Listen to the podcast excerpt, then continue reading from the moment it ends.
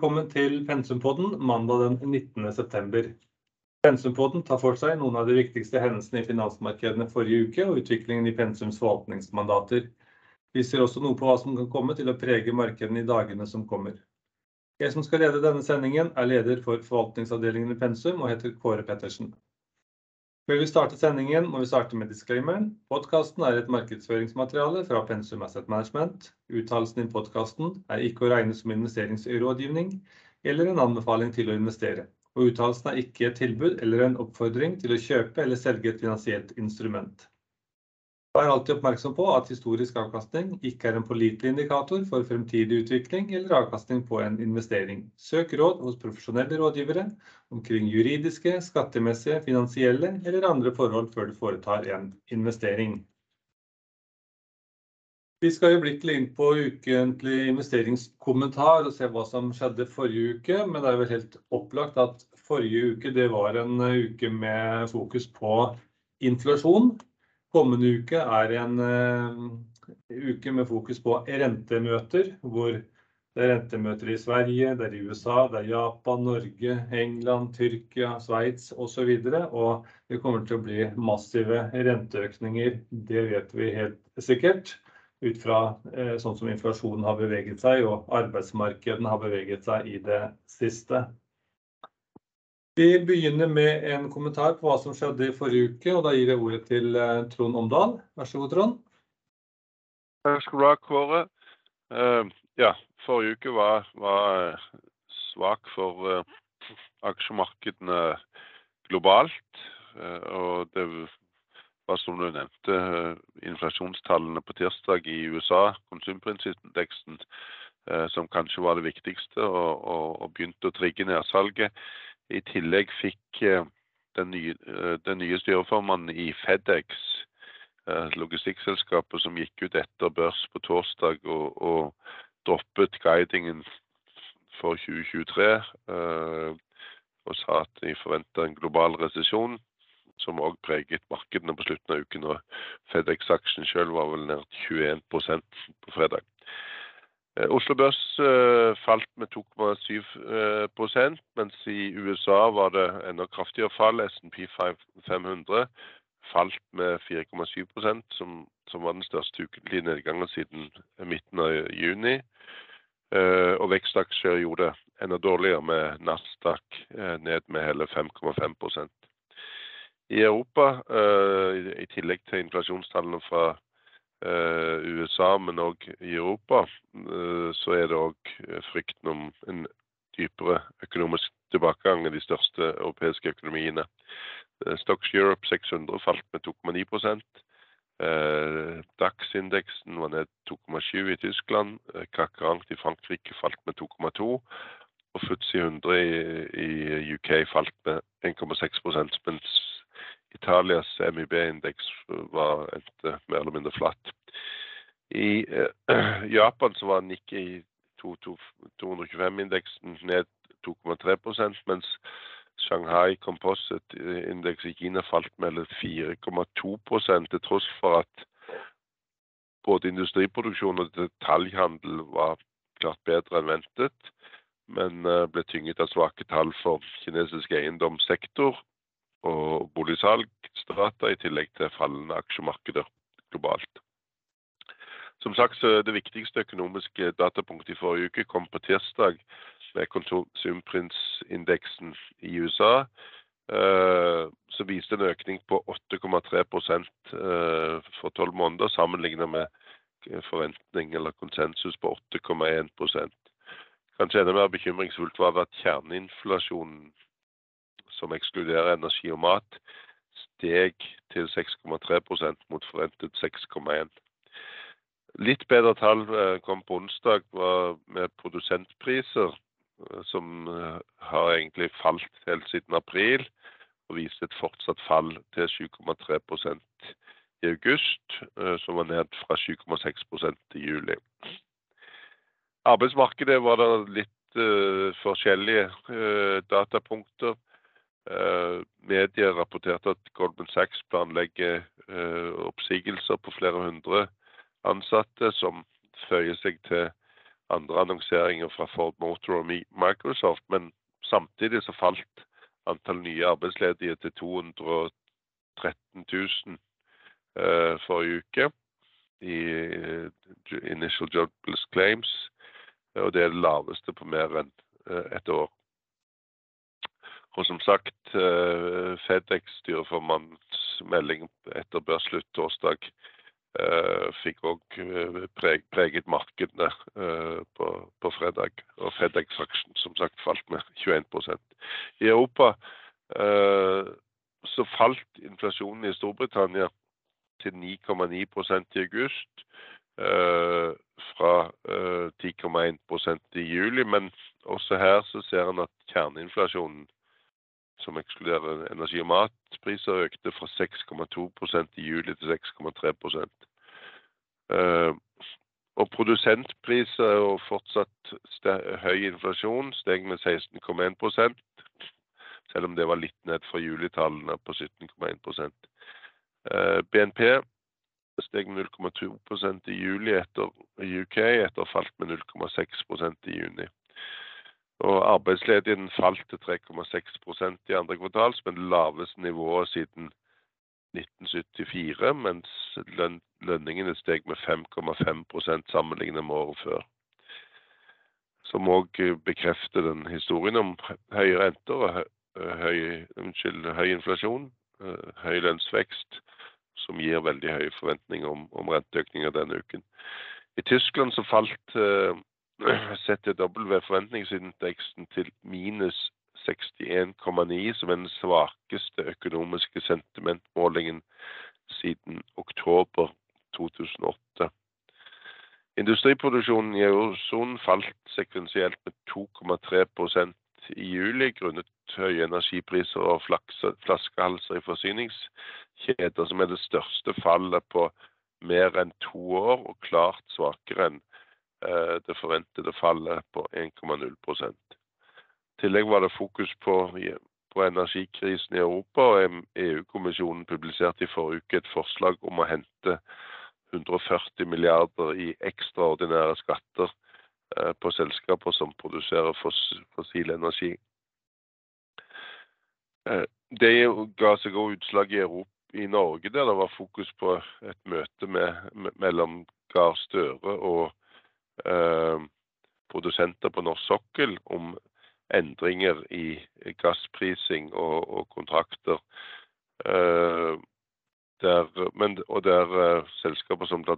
Aker og Aker BP sa seg interessert i å, å, kunne endre kontraktstrukturen med mer langsiktige avtaler, men òg uttalte at de egentlig stilte spørsmålstegn ved om industrielle kunder egentlig var, var villige eller interessert i i å endre kontraktstruktur og akseptere høyere eh, langsiktige priser og, og, forpliktelser. Olje var eh, eh, gass, Gassprisene fortsatte å falle i forrige uke, mens olje var bare svakt ned. Eh, til tross for alle forventningene om, om uh, renteøkning og, og svakere økonomisk vekst. Så alle de tre byråene, IA uh, i Paris, OPEC og EIA i Eh, Washington, så var det helt marginale eh, justeringer på, på oljeetterspørsel. Og fortsatt så sier alle tre at de ser eh, over trendvekst i etterspørselen både i år og neste år. Som selvfølgelig òg er senvirkninger etter at den kommer tilbake etter, etter covid. IA, som kanskje den, den som har mest fokus, forventer en vekst på over to millioner fat per dag i etterspørselen både for 2022 eh, og for 2023. Eh, og ser et eh, stramt marked med etterspørsel etter OPEC-olje for neste år til over 30 millioner fat per dag. Og i en situasjon der det er veldig lite overskudds, ledig overskuddskapasitet. Da tenkte jeg skulle gi ordet tilbake til deg, Kåre. Takk for det. Um, ja, vi nevnte jo rentemøter den kommende uken, og bare for å ta litt om forventningene i hvert fall. da. Uh, vi starter jo i morgen med Riksbanken i Sverige. og der forventes det trippel renteøkning, altså 0,75% og det er jo etter at vi fikk inflasjonstall nå siste uke fra, fra Sverige da, på 9,8 det var opp fra 8,5 måneden før, men eh, det er klart at ser på månedstallene, eh, august kontra juli, så var jo det veldig kraftig kost med en oppgang på 1,8% Så det er virkelig behov for å tråkke til i, i Sverige, og 0,75 er vel beste eh, tips akkurat nå. Så er det onsdagen, og da er det jo USA som, som skal ut. Og her har jo både Powell og andre medlemmer av rentesettingskomiteen hatt diverse uttalelser i det siste, som har gitt oss ganske bra innsikt i hva vi kan forvente. Men også her er det jo da 0,75, eh, da, altså trippel renteøkning her også. Og det er klart at med, som Trond nevnte, eh, tirsdagens inflasjonsrapport og torsdagens eh, antallet nye søkere til arbeidsledighetstrygd, som begge var sterkere enn ventet, så er det vel ingen som tror noe annet enn en trippel renteøkning her til 0,75. Så har vi på torsdag, så er jo Japan som er først ute. Eh, de begynner å få opp inflasjonen noe i Japan nå, men eh, fortsatt så tror vi på at de holder eh, uendret. Det er jo det som de har signalisert lenge, og det er ikke, ingen grunn til å tro at vi får noen økning ennå. Så der blir det, blir det null. Så kommer Norge, og da forventer vi en dobbel eh, renteøkning, altså 0,5. Og så er det jo England da, som skulle hatt rentemøte i forrige uke, men det blir jo utsatt pga. Eh, dronning Elisabeth sin begravelse, som også er årsaken til at London-børsen er stengt i dag. Her er spørsmålet om det blir 0,5 eller 0,75. Eh, markedet er litt sånn delt, men det er klart at vi vi, jo, vi, har sett noen tall som har vært veldig sterke. En ting er at inflasjonen økte til 9,9 den må de få ned. Og det andre er at arbeidsmarkedet også er veldig sterkt i England, eh, hvor ledigheten nå falt fra 3,8 til 3,6% Så er jo på samme nivå som det vi ser i, i USA. Så det skal bli spennende. Eh, hvis vi tar litt andre tall fra sist uke før vi går videre, vi kan ta litt i forhold til eh, forhold til valuta. For det er klart at valuta spilte en stor rolle i forhold til utvikling på det internasjonale fondet sist uke. Ehm, hvis vi starter med euro og dollar, da, så var euroen på 9,92. Unnskyld, dollaren var på 9,92 ved utgangen av uken før, og endte på 10,26. Altså en økning på rundt en 34, eh, 34 øre på en, på en, uke. Så det var virkelig kraftig kost. Når det gjelder euroen, så gikk vi fra 9,96 og er nå oppe på 10,23. Så mye av det samme der. Og også svenskekrona eh, beveger seg nå i styrkende retning, iallfall mot norske kroner. Gikk fra 93,34 og er nå på 94,88. Så det har helt klart spilt ganske mye inn i forhold til internasjonale plasseringer sist uke. Da. Når det gjelder eh, energi, så er det som Trond sa, det var ganske stabilt på oljesiden. Ligger i dag på 91,05. Og det er eh, bitte lite grann ned fra, fra, uken før. Da. Det endte på 92 eh, uken før der. Men vi har sett en eh, ganske kraftig nedgang flere uker på rad nå i europeiske gasspriser. Og her var det også ned en, eh, rundt en 10% i forrige uke.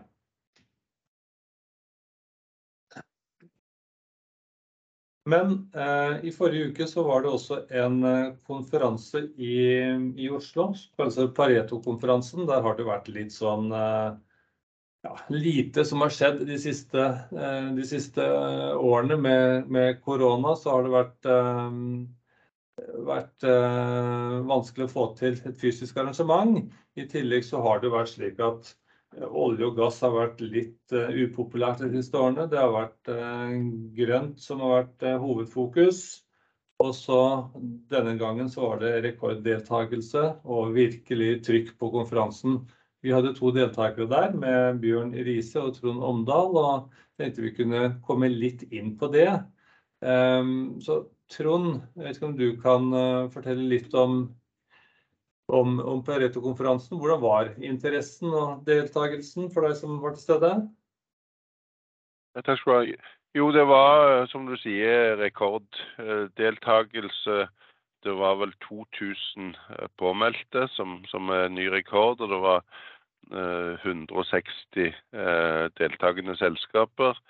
Eh, det var vel noen som sa vi kunne ha hatt 5000 deltakere dersom, dersom, det var plass oppe på Holmenkollen park hotell.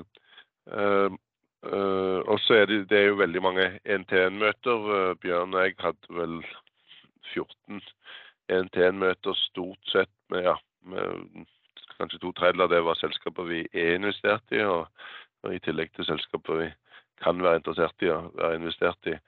Eh, men som du sier, så, så har nok de i, i fjor var òg en fysisk konferanse. Eh, da var det eh, nok fortsatt klart mest fokus på eh, fornybar. Eh, men vi ser nå at det var egentlig mer av alt, altså energisikkerhet som, som det som det store eh, overordnede temaet. Eh, og veldig god stemning på, på, på både olje- og gassprodusenter og, og oljeservice og rigg. Kanskje en vridning fra i fjor på noe mer mot service og, og rigg. Men samtidig, selv om aksjekursene på en god del av fornybarsektoren har, har vært under press, Eh, så var det preget av optimisme for de fleste sektorer. Det var uh, f.eks. Aker Horizons, eh, selv om den er vel ned 60-70% så var det, var det smekkfullt og, og, og, og vanskelig å egentlig komme, komme, inn. Så kan en lure på om det var litt kjendisfaktoren òg, med Christian Røkke. Og batterisesjonen var, var smekkfull.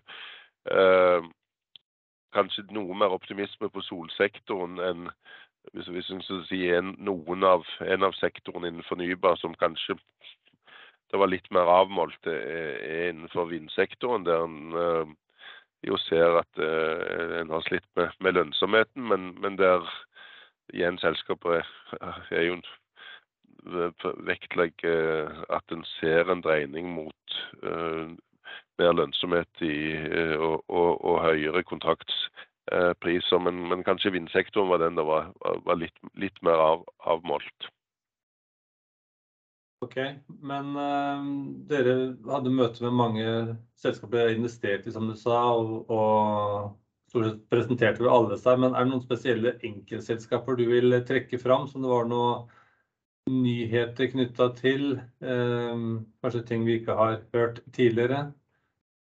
Ja, når det gjelder på, på, annonseringssiden, så var det kanskje den, den største annonseringen var, var, nok Aker som annonserte samarbeid mellom Cognite, eh, Cognite og, og, og Slumberger. Eh, ellers så vil jeg nok si òg det var ganske mye fokus på, på shipping. Eh, der stemningen var, var særdeles positivt. Og det, det er jo litt fokus på, på Frontline og, og Euronav og den eh, mulige fusjonen. Så det var to, to sesjoner som var, var sterk. Uh, uh, høy deltakelse på. Uh, og så har du jo sektorer som vi òg har vært investert i på produkt, produkttank. Og LNG er jo òg sektorer som har, hadde høy fokus og, og, og stor optimisme. Der har selskaper som Hafnia, Flex LNG og Golar LNG så kan du kanskje si at det som fikk aller mest fokus, uh, var uh, en storeier i både rigg og, uh, og LNG-sektoren, nemlig Tor Olav Trøim, som had, et, fikk ganske mye publisitet rundt at han presenterte caset for fossil energi, og, og at fossil energi er her for å bli, og kritiserte de andre paneldeltakerne, både politikere og for så vidt Equinor, om øh, motstanden mot investeringer i, i, fossil energi. Og trakk fram at det vel er investert 2900 milliarder dollar de siste 20 årene i fornybar, og allikevel så har fossil, fossil energi fortsatt 84% markedsandel, kanskje ned et par prosent på disse 20 årene og disse 2900 milliardene dollar i investeringer i fornybar. Ja, det er vel sånn at uh, lave priser på tradisjonell energi er vel en, fortsatt en like stor forutsetning for å få lønnsom utvikling av fornybar energi. Så det er klart at underinvesteringene uh, synes jo på en veldig negativ måte også i forhold til mulighetene for å skape lønnsomhet innenfor fornybar. Så det er vel noe dere har trukket fram mange ganger tidligere. Så vil jeg, vil også trekke fram at uh, en av viktige annonseringene som, som også uh, igjen var Aker Solutions, som gikk ut uh, og, og, og, sa at de forventa 80 milliarder kroner i kontrakttildelingene de neste tre kvartalene. Det er jo en aksje som har vært en av de større hos oss. og Det bekrefter jo den for så vidt storyen at, at dette går fra at Eh, produsentene har hatt superprofitt. Foreløpig har vist disiplin, men spesielt i Nordsjøen så forventes det veldig mye kontraktstildelinger fram mot nyttår uh, pga. disse midlertidige skatteordningene. Forventes vel 35 planer for utbygging og drift. Og, vi, vi, og Subsea 7 kom med uh, guiding at de forventer en betydelig økning i kontrakter framover. Samtidig så er det jo selvfølgelig at Eh, vi ser jo at oljeselskapene tjener, eh, har veldig høy eh, inntjening akkurat nå. Så ser du at kontraktstildelingen kommer, men, men, på bunnlinjen så er det klart at oljeservice og rigg osv. Er, er noen år ett til to år fram i tid før, før alt dette kommer ned på bunnlinjen og investeringene virkelig skyter fart. Det er antageligvis først i 2024 du får et veldig kraftig økning, selv om vi forventer økning i investeringer neste år. Så på, på fornybar så er, er det jo òg veldig mye fokus på uh, The Inflation Reduction Act i, i USA. Uh, og de positive virkningene for, for, for fornybarsektoren. Og selvfølgelig òg forventer en at EU uh, har fullt trøkk på, på, på økte investeringer innen, innenfor fornybar. Men som sagt, kanskje, kanskje litt mer positivt for solsektoren i, i det korte bildet enn en, en vindsektoren. Jeg skulle bare si at uh, Du nevnte jo at Aker Solution forventer 80 milliarder kroner eller mer i, i kontrakter de kommende tre kvartalene. og Det kan vi sammenligne med en omsetning i fjor på rett under 30 milliarder. og I år forventes det rundt 38 milliarder kroner. så det er klart at det er jo en eh, book to bill ratio her som er relativt uh, hyggelig, da. Men det er klart at det har jo mye med denne oljeskattepakken å gjøre. Men uh, Trond, det var jo litt sånn generelt hva, og, og på selskapsnivå og slike ting. Men hva med markedsutsiktene da, for olje og gass? Hva tenker vi rundt det? Jeg syns kanskje det, det, beste foredraget på det var, var handelshuset Trafigura og, og Bjørn og jeg hadde òg et én-til-én-møte som for så vidt eh, bekrefter eh, i, i, stor grad vårt markedssyn. Men på, på, gass så var han ganske tydelig på at eh, at vi antageligvis kommer, Europa antageligvis kommer seg gjennom vinteren. Det var et av hovedbudskapene på gassiden. Eh, den kommende vinteren. Uh, og vi har jo sett gassprisene nå i sånn frontkontaktene som har kommet betydelig ned. Og, og lagrene har jo kommet opp på, på gjennomsnittsnivåer. Uh, så hvis det ikke blir en veldig kald vinter, så vil en kunne komme seg gjennom den kommende vinteren. Men hvis det ikke blir noe at partene mellom altså Tyskland og, og Russland blir enige om å fortsette å, å kjøpe gass, så vil det bli et problem eh, vinteren etter. altså 2023-2024 så har jo sett at eh, den lange enden av kurven har, eh, har, falt. På olje så var uh, han en av de sjeldne som Eller en av de som ligger lavest på spare capacity, og viste tall for desember som viser så lite som 100 000 i, i overskuddskapasitet. og Han òg advarte om faren for, for såkalte spiker, eller sånn som vi for så vidt har sett på gass. Og, og han trakk òg fram Irak som et problemområde med disse Shia mot Shia-konfliktene.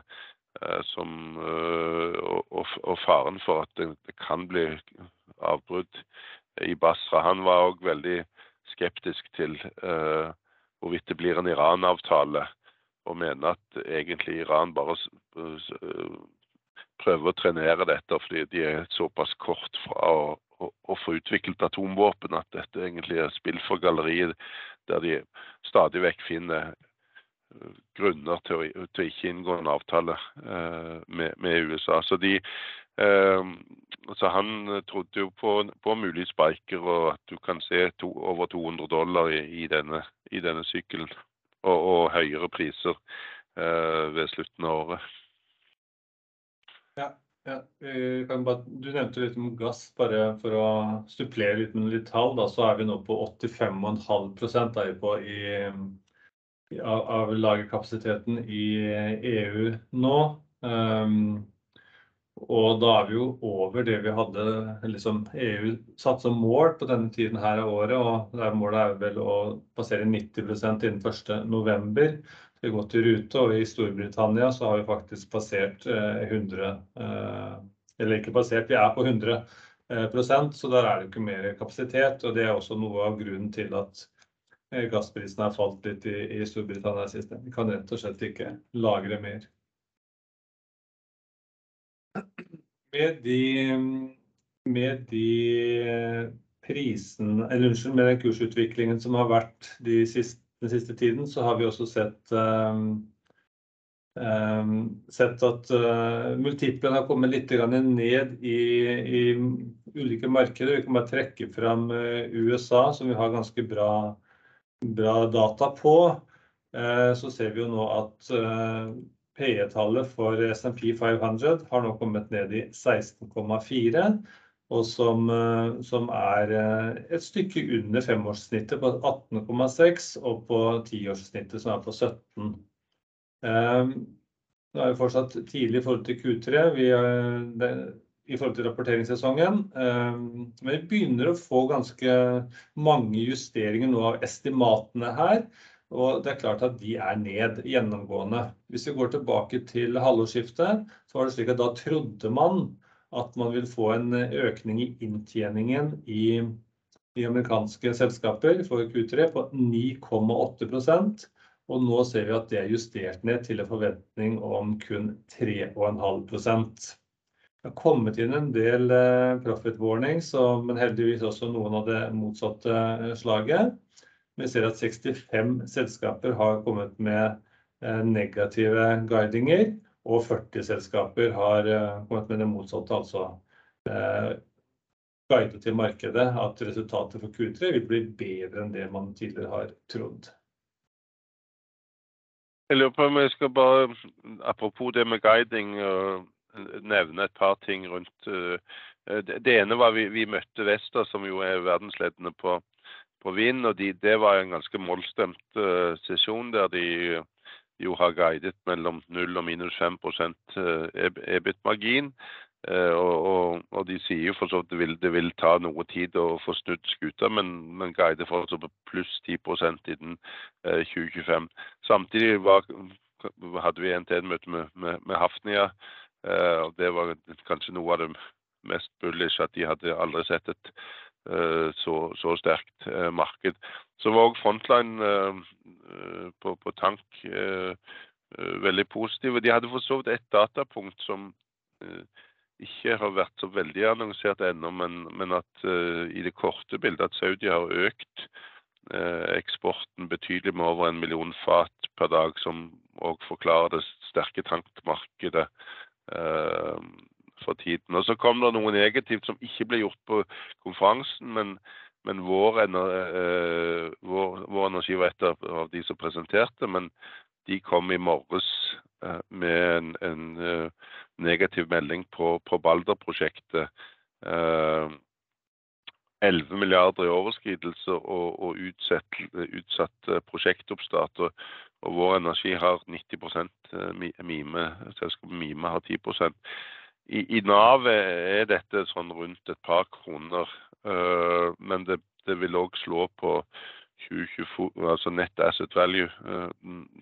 Men, men på, det vil slå en del på, på inntjeningsestimatet, spesielt for 2024. Så vi så bl.a. Sparebanken Markets tok ned sitt kursmål fra 70 til 65. De skal jo òg inn for så vidt inn i indeksen fra i dag, samtidig som Aker BP øker sin andel i indeksen. Men kan vi da, Trond, si det at, for å prøve å oppsummere litt da. Enkelte segmenter innenfor shipping ser kanskje aller, aller sterkest ut nå. Så har du olje- og gassprodusentene deretter. Så kommer oljeservice kanskje litt lenger frem i tid. Og så har vi fortsatt undervekt, skal vi si, litt større skepsis til det grønne på grunn av kostnadsinflasjonen. Kan det være en sånn? Ja, og ikke minst, og ikke minst renter. Så nå har jo fornybar hatt en liten bounce, eller en betydelig bounce etter, etter Inflation Reduction Act og lavere renteforventninger. Nå kan det snu dette igjen når vi forventer ny tilstramning av rentene. Så må jo jeg trekke frem at RIG var jo absolutt noe av det heteste, og RIG-aksjer har jo hatt en veldig positiv utvikling. Og der begynner en jo å se vesentlig høyere kontraktsslutninger. Og det er kanskje jackup-markedet som er det aller hotteste, og spesielt i Midtøsten virker det jo som om Saudi-Arabia ikke kan få nok rike. Bra. Da går vi bare litt over til tallene. Vi sa at Oslo Børs var ned 2,7% sist uke, og dermed er vi ned 2,2% på årsbasis. Verdensindeksene falt 4% målt i dollar, og er ned rett opp under 20% siden årsskiftet. Men målt i norske kroner så er det litt penere. 1,3% sist uke og 7,3% på årsbasis.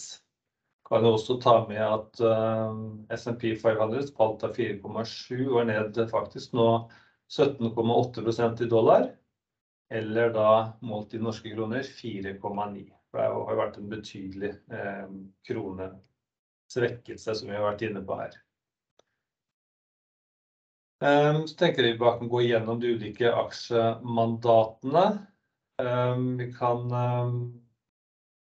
Vi kan starte med utbytteporteføljen som hadde nedgang på ca. 1,3% sist uke mot indeksen som altså falt 2,7%. Her var det ingen som så sånn voldsomt ut. De som falt mest, det var Storebrand med 4,6% og Valenus med 4,7% og Norsk Hydro med 4 blank. Vi solgte oss også ned noe i Norsk Hydro, som bortimot halverte posisjonen, hvor vi tok inn American Shipping Company, som er et selskap med nærmest litt sånn høyrenteegenskaper. Ekstremt stabil inntjening fra et beskyttet Jones Act produkttankermarked i USA. Vært i årrekke betalt hyggelig utbytte på rundt 11-12% av dagens aksjekurs, og hvor de gjør et oppkjøp nå av et skip som skal øke inntjeningen med bortimot 40% på en 15-årskontrakt. Og vi tror dette kan være et vendepunkt for American Shipping Company, hvor de ønsker da å bredde seg ut og bli et mer internasjonalt selskap, og ikke bare blir da innenfor dette regulerte amerikanske markedet. Så vi forventer at dette er et selskap som vil benytte de spesielle markedsforholdene som er nå, hvor det er vanskelig for mange skipseiere å få finansiering. Da er det større systemer med solide eiere som lettere får til det, og det kan, tror vi American Shipping Company kan utnytte. Med det siste oppkjøpet så tror vi at utbyttet kan stige til over 15% per år med kvartalsvise utbytter, og det har fått en veldig god start etter kjøpet vårt. Så har vi selektiv portefølje som steg to, eller unnskyld, falt 2,5 mot indeksen på 2,7. Og det er ikke så mange lyspunkter i en sånn uke naturligvis. Høg Autoliners var vel et av de få, men her ser vi at sånn som Bonheur falt 8,7.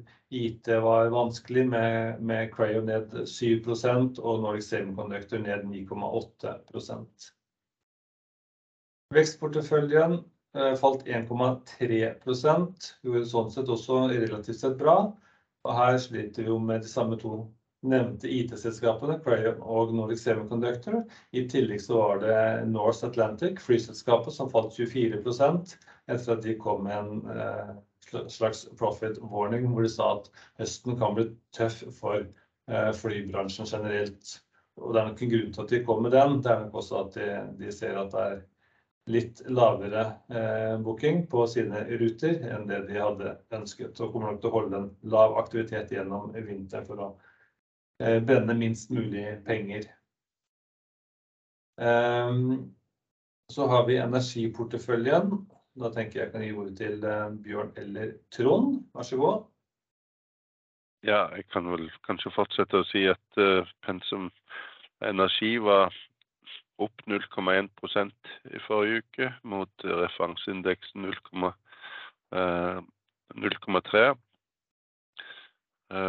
Vi så at både drillingselskapene gjorde det bra. Noen av de mindre aktørene, sånn som Panoro Energi og Panoro Energy og Africa Oil og også DNO gjorde det bra i forrige uke. Mens blant de svakeste var OKEA, som jo uken før hadde både varslet nedsalg fra hovedeieren, pluss nedstengning av Yme-feltet. Og så ser vi nå at Vår Energi for så vidt var ned 2% i forrige uke, men ned 5% på denne Balder meldingen. For øvrig så var det 50-årsjubileum for Equinor i går. Fylte femti år. Så det var jubileumskonsert på lørdag, der det var med Håkon Magnus til stede, og der det var tre forvaltere til stede. Folketrygdfondet, Danske og Pensum Asset Management. Så det var jo en hyggelig markering. Gratulerer med dagen, Equinor! Takk for det, Trond. Da går vi videre til neste mandat, som er sparebanker. Og sparebankene sto godt imot børsuroen sist uke, med en oppgang på 0,6% for porteføljen og 1,2% for indeks.